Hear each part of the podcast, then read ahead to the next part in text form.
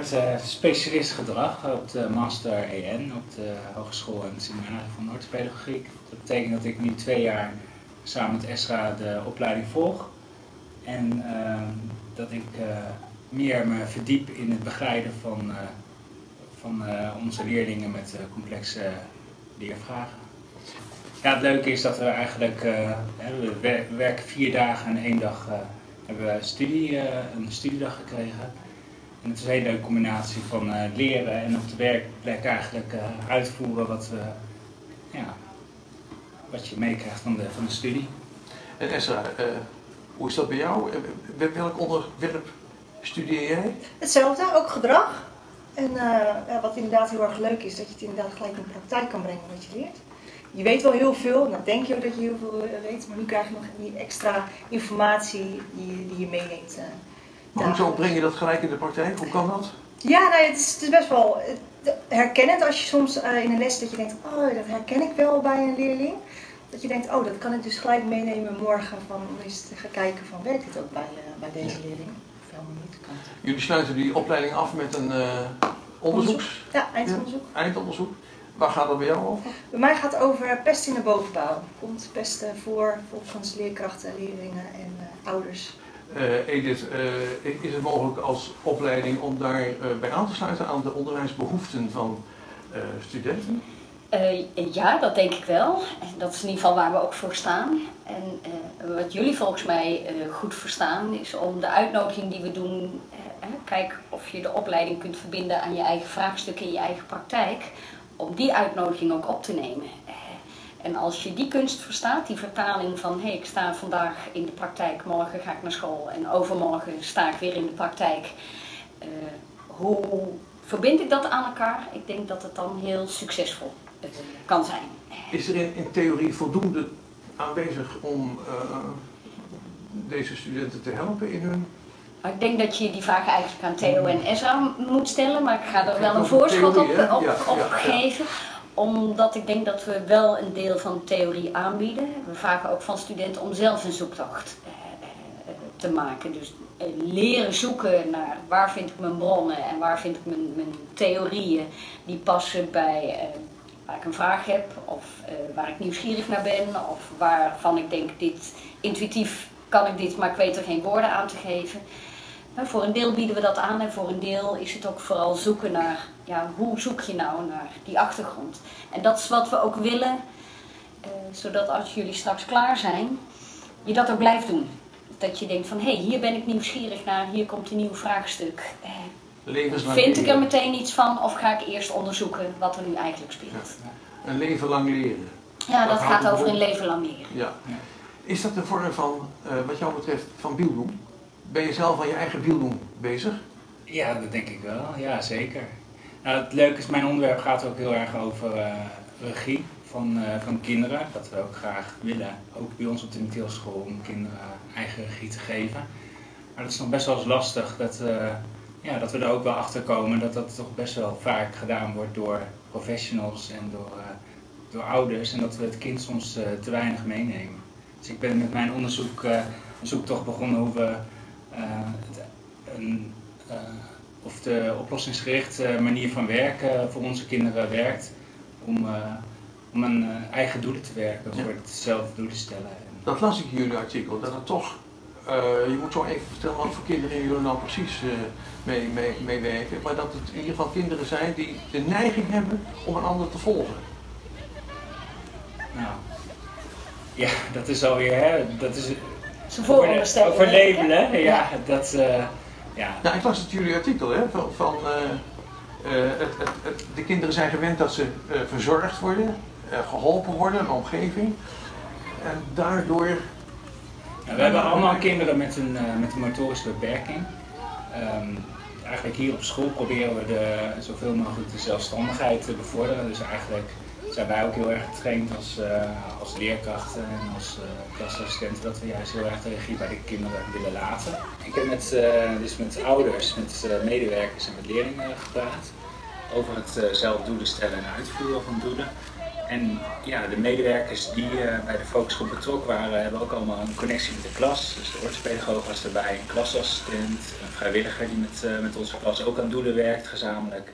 Uh, met de doelen die ik voor onderwijs heb, daar werkt zij dan individueel ook met, met de kinderen mee. En waar we ook over gesproken hebben, is dat het wel heel mooi is dat we nu kinderen zelf ook daar gewoon regie in geven wat ze willen leren. En we kwamen er eigenlijk achter dat wat kinderen zelf willen leren eigenlijk best wel vergelijkbaar is met wat, wat wij vaak plannen voor de kinderen.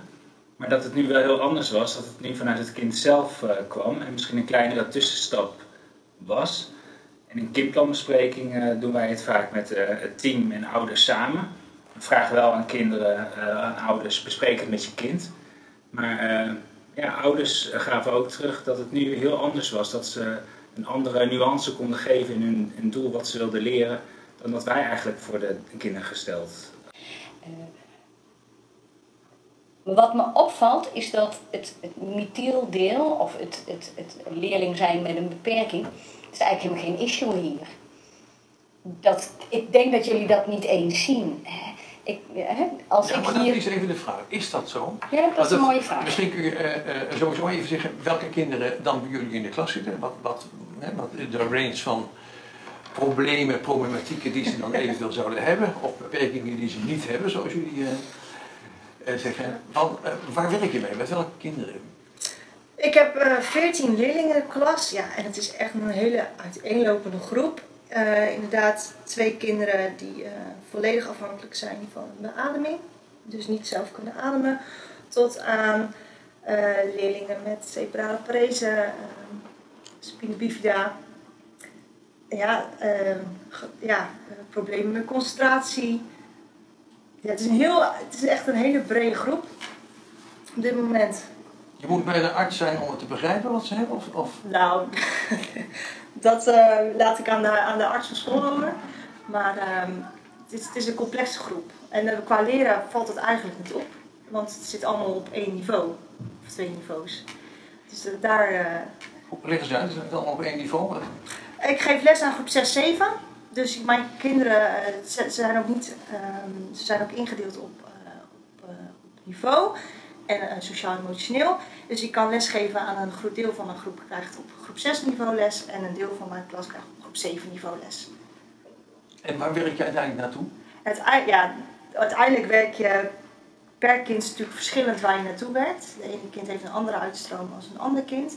En je probeert zoveel mogelijk op die rechte lijn naar, uh, naar die uitstroom te werken. Ja, dus je hebt de, de, als je dat taalonderwijs wat jij geeft, zit daar, zit daar wat jou betreft ook beelddoen mogelijkheden in, beeldingsmogelijkheden. En leg eens uit wat je. Uh, is uh, de proces van innerlijke ontwikkeling. Ja? Tegen de achtergrond van wat er in onze samenleving en cultuur uh, gaande is. en waar je mensen sterk voor moet maken om daarin te gaan functioneren in, in de toekomst. Dat, dat verstaan we onder beelding, hè? die groei van die mensen. Zit in het taalonderwijs voor jou, wat jou betreft, is dat een kennisvak, een vaardigheidsvak, of zit er ook een persoonlijkheidsvorming in uh, jouw taalonderwijs? Ik denk dat in alle vakken die wij geven, dat we dat, we dat we allemaal meenemen om uh, kinderen uh, ja, zo goed mogelijk voor te bereiden voor de, voor, ja, de voor de samenleving. Dus dat, is, dat neem je natuurlijk allemaal mee. Is taalonderwijs ook drama voor jou? dat kan zeker. En volgens mij gebruik je drama ook om vraagstukken die ingewikkeld zijn, om die in een spel uit te werken, hè, zodat je die vanuit het spel kunt versterken uh, in, in de leerling. Of, uh, waarna die de volgende stap kan maken om dat ook uh, in, nou, in werkelijkheid vorm te geven. Volgens mij hebben we dat in het artikel ook beschreven. Klopt. Ja. Met die leerling die ja. koning speelt volgens mij en, en leert zijn grenzen aan te geven. En het feit dat hij koning speelt en het daar wel kan helpt hem om dat ook in het werkelijke leven te, ja. te leren kunnen. Ja. Ja. jij uh, hebt, hebt onder andere bij rekenonderwijs hè? heel sterk dat uh, je daar in feite beeldingsaspecten bij, bij betrekt. In de regievoering, in vertrouwen krijgen in, je, in, in jezelf, uh, zelfwaardering en dat soort aspecten. Doe je dat heel bewust? Ehm, denk het niet. Ik denk, ja, je bent er natuurlijk heel dag wel bewust van dat je, dat je dingen meeneemt. Ehm, ik ben wel iemand die, die wel, wat meer verantwoordelijkheid bij mijn leerlingen legt. Ehm, dus vaak zelf proberen te laten nadenken en uh, af en toe een stapje terug te doen als ze me dingen vragen. Uh, welke bladzijde, dat ik gewoon zeg van luister, dat staat op je planner, dat kan je zelf opzoeken. Dus ik denk dat ik er onbewust, nee, ik denk niet, ja, niet bewust. Ja, dat geeft niet. Theo, in het artikel wordt uh, uitgebreid gesproken, of een paar keer gesproken, over kids skills. Ja. Ik heb begrepen dat jij daar je, je eindwerkstuk over gaat maken, voor de, zelfs voor, voor de master. Wat, wat houdt dat precies in? Wat, 15 stappen kent dat. Ja, het is een oplossingsgerichte methode voor kinderen. Het is ontwikkeld in Finland door uh, meneer In Finland? Ja. Um, het, is eigenlijk het, het idee is dat je in 15 stappen een, een kinderen een keuze uh, laat maken in een vaardigheid die ze willen leren. Dus er wordt niet gedacht in problemen, maar in vaardigheden. Uh, die vaardigheid uh, kun je als leer... Er wordt gedacht in oplossingen bedoel je? Wordt, ja, ja. Ja, in, ja, in oplossing. In een vaardigheid kies je. Um, dan ga je daar support bij zoeken. Laat je kinderen zoeken in een omgeving, maar ook op school. En dan ga je oefenen en uh, samen met het kind bedenken hoe hij dat wil gaan leren en hoe hij dat denkt te bereiken. En op het einde uh, vier je dat ook nog. En Kids wat heel erg goed werkt, wat ook in het onderzoek ook naar voren komt, is dat de kinderen heel erg de, de totemfiguur die ze kiezen, en bij, bij een aantal kinderen was dat een Batman, die gaf hun ook kracht om goed na te denken van, oh ja, ik moet even doorzetten nu. Komen ze daar zelf op? Ja, nou, de, je, het, het, programma biedt wel aan dat je samen naar een totemfiguur uh, gaat zoeken, maar die geven ze natuurlijk wel zelf aan uh, wie dat gaat worden. Ja.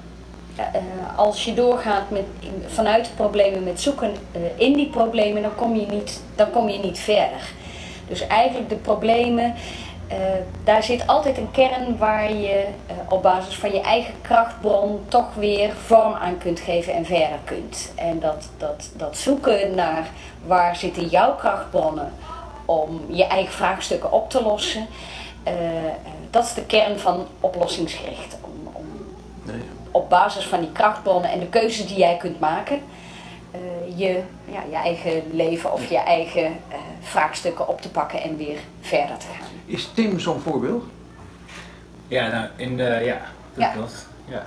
Tim heeft dit opgepakt. Ja. Ik moest even schakelen, want we hebben de naam natuurlijk wel uh, veranderd voor het uh, artikel.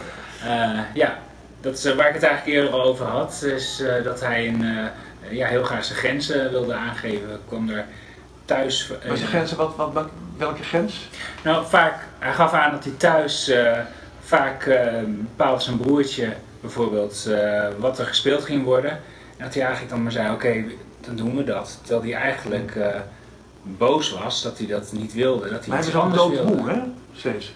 Nou, dat komt daar eigenlijk door, omdat hij moeite heeft om zijn uh, energiebalans uh, goed te houden. Hij heeft hier vaak dan de kracht niet om, uh, om te zeggen ik wil iets anders doen. Dat, dat gaf hem frustratie, dat kon hij heel goed uitleggen. en dat hij daar iets mee wilde, dat hij niet boos wilde worden, maar eigenlijk iets wilde zijn grens aangeven, waardoor die boosheid niet ontstond.